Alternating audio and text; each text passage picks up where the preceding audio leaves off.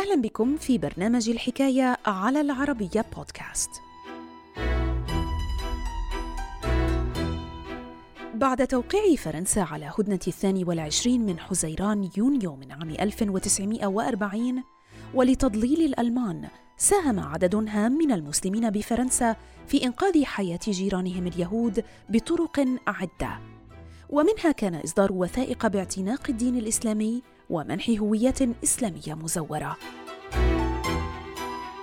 تفاصيل الحكاية في مقال للكاتب طه عبد الناصر رمضان بعنوان بوثائق مزورة هكذا أنقذ مسجد باريس الكبير اليهود من هتلر.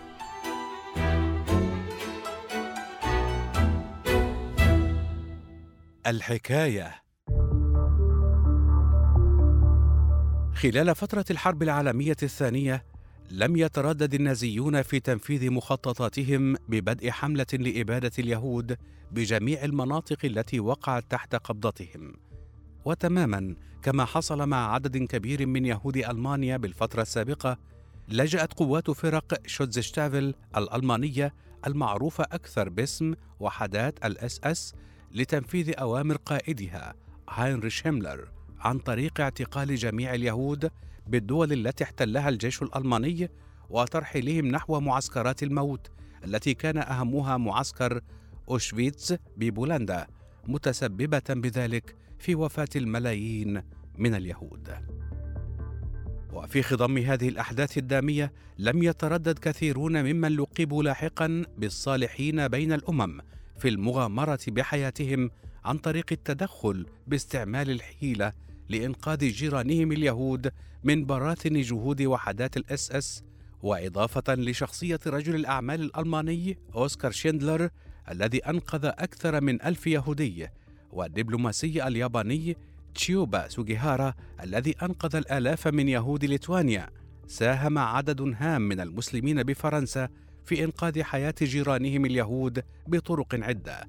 اعتمدت إحداها على إخفاء الأطفال اليهود بمنازلهم عند قدوم الألمان. إلى جانب ذلك كان لمسجد باريس الكبير دور هام في إنقاذ حياة المئات من اليهود أثناء فترة الاحتلال الألماني لفرنسا عقب استسلام الأخيرة وتوقيعها على هدنة الثاني والعشرين من حزيران يونيو عام 1940 فخلال تلك الفترة لم يتردد المسؤولون بالمسجد وعلى رأسهم الإمام عبد القادر مسلي في إصدار وثائق باعتناق الدين الإسلامي لهؤلاء اليهود ومنحهم هويات وأسماء إسلامية مزورة لتضليل الألمان. وعلى حسب مصادر عدة حل الجزائري عبد القادر مسلي الذي فقد والديه بمرسيليا وهو في السابعة عشرة من عمره فعمل للوهلة الأولى بالميناء قبل أن يصبح نجارا لاحقا انتقل هذا الرجل الجزائري إلى بلجيكا فعمل بالمناجم قبل أن يعود مجددا لفرنسا ليصبح خلال فترة الثلاثينيات أحد الأئمة الخمسة بمسجد باريس الكبير. وأثناء الاحتلال الألماني لباريس منح عبد القادر مسلي بمساعدة رفيقه الجزائري الآخر وأحد مؤسسي مسجد باريس الكبير عبد القادر بن غبريط المعروف أيضا بقدور بن غبريط الوثائق الإسلامية المزورة لليهود كما وفر لكثير منهم الطعام وأخفى بعضهم بمنزله أثناء الحملات التي قادتها فرق الاس إس على الأحياء. ومع تزايد الشكوك حوله نفي عبد القادر مسلي من باريس وأرسل نحو مدينة بوردو إلا أن ذلك لم يمنعه من مواصلة إنقاذ اليهود من براثن وحدات الاس إس. عقب تأكدها من دوره في مساعدة اليهود بفرنسا اعتقلت قوات الجستابو الألمانية عبد القادر مسلي خلال شهر تموز يوليو عام 1944 وأرسلته نحو معسكر الاعتقال الجماعي بداشو القريب من ميونخ بالجنوب الألماني.